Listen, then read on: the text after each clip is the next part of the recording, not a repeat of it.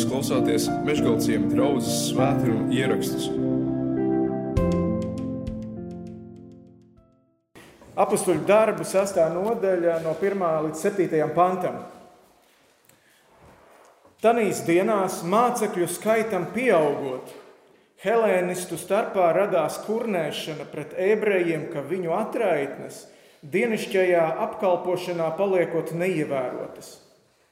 Tie 12 aicināja visus mācekļus un sacīja: Nav pareizi, ka mēs, kalpodami pie galda, atstājam novārtā dieva vārdu. Tāpēc, brāļi, izredziet no sava, vid sava vidus septiņus vīrus, kam laba slava, svēta gara un gudrības pilnus, kam mēs varētu šos pienākumus uzticēt. Bet mēs gribam arī turpmāk Dievu lūgt un kalpot ar vārdu. Šie vārdi patika visai draudzēji, un viņi izredzēja Stefanu, vīru ticības un svētā gara pilnu, un Filipu, Prohoru, Nikanoru, Timonu, Parmenu un Nikolaju, Antiohijas prosēlitu, un veda tos apstuļu priekšā Tie dievus pielūgdami uzlika viņiem rokas. Dieva vārds auga augumā, un mācekļu skaits Jeruzalemē stipri pieauga, un liels pulks priesteru kļuva ticīgi. Āmen. Tās tēmas, kuras baznīcā pārunā, kuras mācītājs ceļ parasti priekšā, šādā vai tādā veidā uh, virzās trīs dažādos virzienos. Uz augšu, uz priekšu vai uz iekšu. Es paskaidrošu, ko tas nozīmē. Piemēram, pagājušajā reizē, kad mēs satikāmies, mēs runājām par dzīvā ūdens straumēm, kur Jēzus saka, nāciet un dzeriet. Nāciet no manis, dzeriet, vai ne? Es esmu uh, dzīvās ūdens straumes.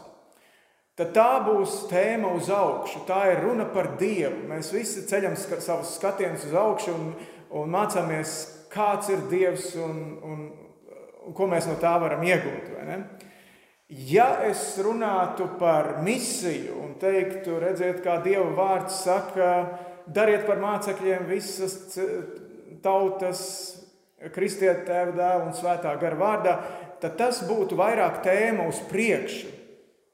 Ja, mēs tagad šeit esam e, noklausījušies, ceļamies augšā, varam durvis vaļā, ejam ārā un darām šo, ja, nesam evaņģēlīju tālāk uz priekšu. Šodienas teksts runā par jautājumiem, kas ir vairāk vērsti uz iekšā, uz draudzes iekšpusi. Un tomēr es domāju, ka arī šī tēma nav mazāk svarīga. Kad mēs paskatāmies uz sevi, paskatāmies uz saviem blakusēdētājiem, cits uz citu, jo tas lielā mērā ietekmē arī to pārējo, arī to uz augšu, arī to uz priekšu virzienu. Šis notikums, kuru mēs lasījām no apakstuļu darbiem, tas ir kristietības pats sākuma laiks. Tikko Jēzus ir uh, mīris un augšām cēlies, tikko ir notikuši vasaras svētki, īstenībā tā ilgs laiks no tā brīža nav pagājis. Nav notikušas vēl plašas vajāšanas. Protams, ir tur apakstoļi kādreiz dabūjuši uh, pārmetumus un arī pat pērienus, bet plaši, plašas vajāšanas nav notikušas. Zauls, tas farizējs, dedzīgais, kurš uzsāka tās plašākās vajāšanas, kad draudzē izplūda pa, pa dažādām zemes vietām, tas vēl nav notikušas. Tās vēl nav notikušas, jo Sauls, kurš vēlāk kļuva par apakstuli Pāvilu, viņš vēl nav atgriezies, vēl nav noticis tas viņa piedzīvojums ar Jēzu. Draudzene dzīvo Jeruzalemē, un lielā mērā viņa bauda to, tās jaunās attiecības, kas ir sākušās vasaras svētku dienā. Šī sadraudzība, par kuru mēs lasām apakstuļu darbu otrās nodaļas beigās, ka viņiem viss ir kopīgs, ka viņi uh, paliek katru dienu Dieva vārdā, maizes laušanā, lūgšanās. Viņiem ir šī, šī īpašā kopība savā starpā. Viņi rūpējas cits par citu. Būtībā ir tāda ideāla draudzene, kur vēlākajos gadsimtos cilvēki ir lasot šos notikumus, domājuši, kaut mēs varētu tā dzīvot. Arī šodien. Atgriezties atpakaļ pie šīs ideālās pirmkristīgās draudzes. Un tomēr mēs jau sastajā nodaļā apakstuļu darbos lasām, ka šajā ideālajā draudzē parādās problēma. Tanīs dienās mācekļu skaitam pieaugot, helēnistu starpā radās kurnēšana pret ebrejiem. Rodās kurnēšana par ko? Par to, ka kaut kāda veida diskriminācija, ja, varētu teikt, notiek. Kāda no draudzes grupām saņem mazāk nekā kādi citi? Un konkrēti šajā gadījumā tās ir kādas atraitnes, un ļoti specifiski helēnistu atraitnes. Helēnisti bija tie grieķiski runājošie jūdi, eh, jo, jo jūdu, jūdu kopiena bija izkaisīta ja, dažādās diasporas vietās ārpus eh, savas zemes. Eh, un, un grieķu valoda tajā laikā bija kaut kas līdzīgs kā angļu valoda šodien. Visi zina ja, šo valodu, visi var savā starpā sarunāties. Nu, lūk, un iemesls šķiet, ka nav tik daudz tā valoda, ka ir kaut kādi jūdi, kuri runā grieķu valodā. Bet tā vieta, no kurienes viņi ir, ja, ka viņi ir uh, ārpusnieki. Tā situācija varēja veidoties apmēram tā, ka, ka eksistēja pieņēmums, ka augšām celšanās tā kunga dienā notiks tikai Eh, jūdu teritorijā, Jeruzalemē vai, vai Jūdejā, Izraēlas teritorijā. Un tāpēc daudzi jūdi, kuri dzīvē, dzīvoja ārpusē, viņi savā vecuma dienās rēmigrēja. Viņi centās atgriezties atpakaļ savā senču zemē, lai nomirtu tur, lai viņi tiktu apglabāti tur, tuvāk Jeruzalemē. Tātad viņi pavadīja savas pēdējās dienas tēvzemē. Un tad, kad viņi nomira, tad tajā vietā palika atraitnes. Vecā derība lika rūpēties par atraitnēm. Par atraitnēm un bāriņiem. Ļoti lika pie sirds par šiem eh, neaizsargātajiem cilvēkiem rūpēties, un jūdi to arī ļoti atbildīgi darīja. Daudz atbildīgāk nekā pagānu tautas piegāja šim jautājumam. Es lasīju, ka viņiem pat esot bijušas katru nedēļu piekdienās cilvēki, kas staigāja pa tirgu un savāca kolektas no tirdzniekiem. Tieši šim mērķim, lai būtu ko uzturēt atraitnes. Vai arī pa mājām izgāja riņķi pa pilsētu. Ja? Un savā veidā tā varēja būt zināma finansiāla nasta sabiedrībai. Un arī draudzēji, ja, kurā nu tagad šāda, šādas atraitnes ir. Atrautas no tās zemes, kuras viņas visu mūžu ir dzīvojušas, viņas tagad ir šeit, viņas ir vienas pašas. Vai šī diskriminācija notika apzināti vai neapzināti, to mēs laikam ne, nezināsim. Jo tas teksts neko daudz par to nesaka. Bet tas interesantais ir tas, ka šī problēma parādās vienlaicīgi ar augšanu. Tanīs dienās mācekļu skaitam pieaugot. Tā draudzene bija veselīga, tā draudzene auga. Un tomēr parādās šīs augšanas grūtības, ja tā var teikt. Kad bērni aug, tad kādreiz arī tā ir, ka tā miesa aug ātrāk nekā prātiņš vai otrādi, ja, un, un, un ir kaut kāda neštimē, ja, tas, tā attīstība mūsu, mūsu uztverē, vai mūsu laikā, vai mūsu apstākļos, mēs bieži vien varam to pamanīt kā paudžu konfliktus. Un patiesībā tas ir bijis eh, visos laikos, ka tās paudzes eh, nu, dažādos uzskatos vai dažādās rīcībās var būt nu, ļoti dažādas. Viņas it kā dzīvo paralēli apmeklē vienas un tās pašas baznīcas vai vienas un tās pašas eh, vietas, ja, bet viņas dzīvo paralēli, viņas nesaplūst kopā, viņas nesavienojās. Var notikt noslāņošanās arī pēc kaut kādām sociālām pazīmēm, par ko tik ļoti daudz arī uztraucās šodien eh, visi, kur runā par iekļaušanas politiku, ja, ka tā ir jāņem vērā. Šī nav nekāda jauna, jauna lieta īstenībā. Un, un, un Tas, ka sabiedrība un kultūra noslāņojas, tas jau ir pat no Bībeles zināms. Jau Dāniela grāmatā, piemēram, kad ir nebukadneceram tā, tā lielā vīzija par pēdējiem laikiem, ja, kad, kad tas lielais akmens tēls stāv un nāk tas akmenis, kas satriec, ripo no kalna un satriec visu lielo tēlu, lupat, lēveros, tad tur tas tēla aprakstā tur var redzēt, ka zelta galva, tur ir sudraps, varš, vai ne, un tad ir bronzas vai dzelzs kājas, Un tad tie kāju pirksti tur ir daļēji gan no dzelzceļa, daļēji gan no māla veidoti. Ja? Tātad šī, šis varenais tēls ir ļoti nestabils īstenībā, jo, jo šie divi materiāli nesavienojās savā starpā kopā. Viņi tur ir, ja? izveidotā tēla kājas pamatni, bet viņi ir tik trausli. Tas, tas vienā brīdī var, var sagāzties. Ja runājam par draugu šajos apstākļos, kad tik dažādi cilvēki, dažādi ne, sabiedrībā, kultūrā un tā tālāk. Draudzē, par draugu Bībele saka, ka tur visi, visiem būtu jābūt tādā uz viena pamata, nostād, nostādinātiem. Jo Pāvils raksta Galatiešu vēstulē, ka tur nav draudzē, nav ne jūda, ne grieķa. Tātad Mēs nevaram tur dalīt pēc tautībām. Tu esi tur krievs vai latviečs. Draudzē nav ne kalpa, ne brīvā. Tā tad arī sociāli. Ja? Viņš saka, draudzē, jūs visi esat vienādi. Lai tu būtu bagāts vai nabaks. Tur nav ne vīrieša, ne sievietes pat. Ja? Arī pēc dzimumiem draudzē tam nav liela nozīme, kā, kā jūs sadalāties.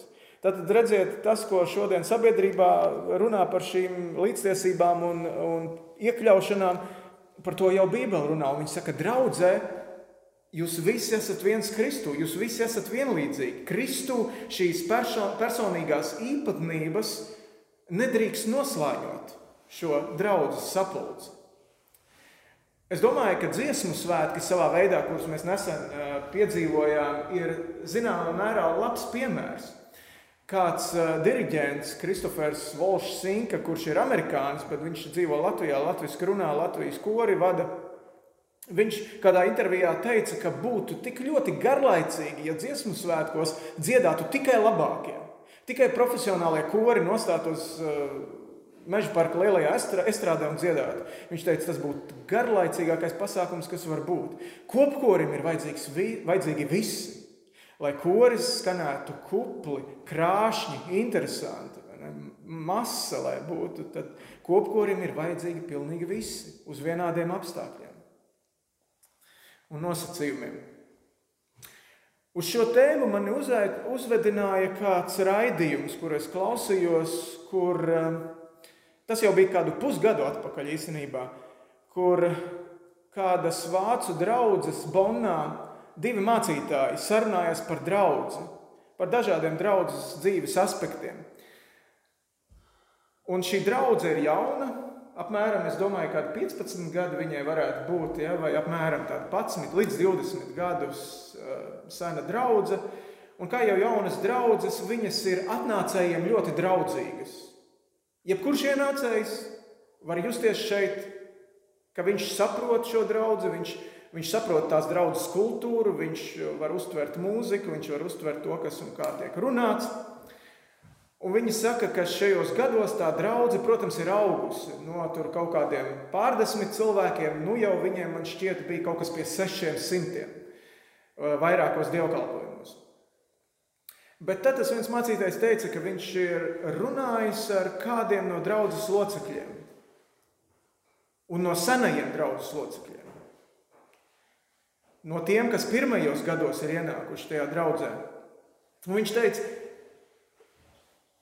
mums varbūt liekas, ka nedrošs ir tas, kurš pirmoreiz ienāk šajā draudzē, tāpēc ka viņš šeit nevienu nepazīst. Vēl. Bet viņš teica, es biju pārsteigts, cik nedroši jūtas vissenākie draudzes locekļi. Tāpēc, ka laika gaitā Viņi nepazīst 80% no tiem, kas ir ienākuši draudzē. Viņiem ir tā sajūta, ka šī vairs nav tā mana draudzene, kurā es, kurā es ienācu.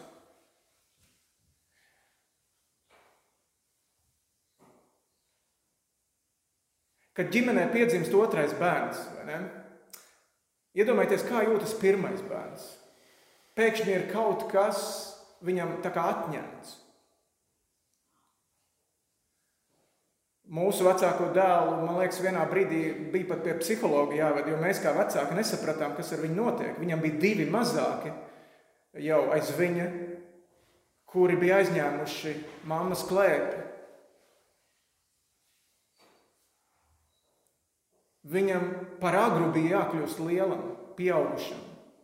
Viņam bija jāuzņemas atbildība par palīdzību, par mazajiem.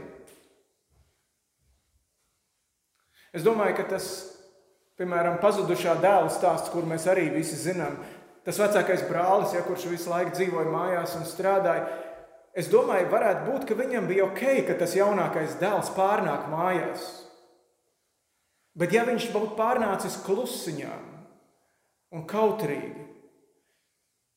Bet šis jaunākais brālis pārnāca mājās, un visa tā uzmanība aizgāja uz to jaunāko dēlu.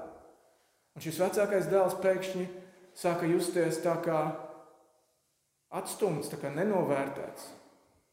Tā arī mēs uz to varam skatīties.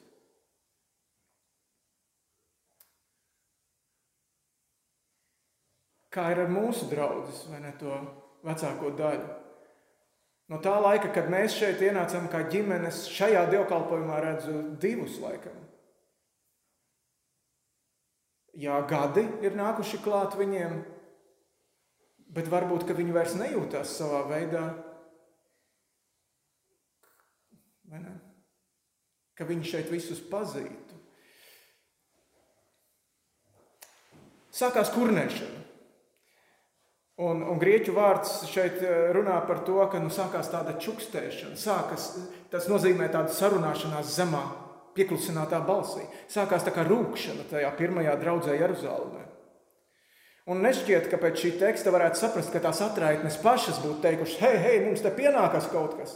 Atraitnes nē, kādi citi vai nesāka rūkt, redz, kur viņas mūsu atraitnes paliek, paliek nenovērtētas. Un es gribu teikt, ka neviens man nav sūdzējies par šo lietu. Ja? Es gribu teikt, ka es runāju ne par to, tāpēc, ka kāds man būtu teicis, Aivar, kaut kas nav kārtībā. Bet man šķiet, ka šī ir kaut kāda sava veida profilakse.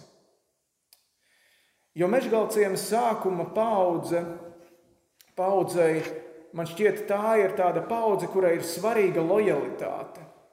Viņi ir auguši tajā laikā, cik, kad svarīga, eh, svarīgas bija tādas patstāvīgas attiecības. Tā paudze nemainīja darba vietas, kā šodien jaunieši bieži vien maina, ja? uz priekšu un atpakaļ. Tā ir cita veida paudze ar cita veida uztveri. Ši, šī paudze, kas pēdējos gados arī šeit, un mēs priecājamies par katru, kas te ir nācis un pievienojies, tā ir daudz fleksiblāka. Jūs, kas esat šeit pēdējā laikā ienākuši, Eh, jūs esat, jums svarīgāk ir bijusi jēga. Jums ir bijuši kaut kādi jautājumi, uz kuriem jūs esat meklējuši atbildes. Jūs esat meklējuši šeit palīdzību savās vajadzībās. Jūs esat varbūt šeit ieradušies ar savām problēmām, jautājumiem, sāpēm, brūcēm, vātīm. Ja? Un tas viss ir bijis tik ļoti jauki, ka jūs esat uzticējušies. Bet no otras puses mēs varam skatīties uz to, ka šie jaunie bērni, kas ienāk šeit, šī telpā un mūsu lokā, paņem tik daudz laika un tik daudz uzmanības. Ka kāds cits varbūt var teikt, hei, es palieku otrajā plānā, un šī vairs nav tā mana draudzene. Tā kā man ar to orķestru, vai ne? Es vairs tik daudzus nepazīstu. Ko tad darīt? Ko darīja apstuļi? Tad, kad viņu, līdz viņu ausīm nonāca šī problēma, viņi teica, brāļi, izredziet no sava vidus septiņus vīrus, kam laba slava. No jūsu vidus. Un, kad mēs skatāmies šie septiņi vīri, kas ir izredzēti, viņiem visiem ir grieķu vārdi. Ja? Tad viņš saka, ņemiet vīrus no jūsu vidus, lai viņi pārņem šo uzdevumu, lai viņi kalpo. Mēs paši Viņš saka, mēs, mēs gribam arī turpmāk Dievu lūgt un kalpot ar vārdu. Un Lūka, kad viņš raksta šos apakstuļu darbus, šī vietā viņš izmanto tādu tā kā vārdu spēli. Vārdu kalpot, diakonēt, vai ja, tas ir tas grieķu vārds diakonija. Kalpot, viņš attiecina gan uz kalpošanu ar vārdu, to, ko dara mācītājs no priekšas, kad viņš sludina dievu vārdu, gan viņš saka arī par šiem diakoniem, kurš saka kalpot ar tādu praktisku palīdzību. Kalpot ar maizi, kalpot ar vārdu vai kalpot ar maizi, viens un tas pats, bet divi dažādi cilvēku grupas to var darīt.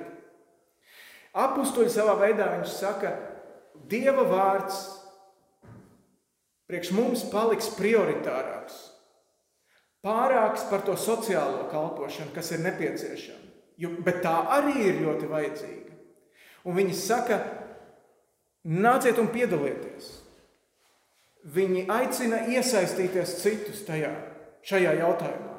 Viņi aicina attīstīt šo sociālo attiecību tīklu draudzes iekšienē. Un tāpēc es domāju, ka draudzēji ir vajadzīga tieši tava iniciatīva šajā jautājumā. Vienalga, vai tu esi no pirmās dienas šajā draudzē vai tagad nesen ienācis. Tā ir tava arī iniciatīva, tava atbildība.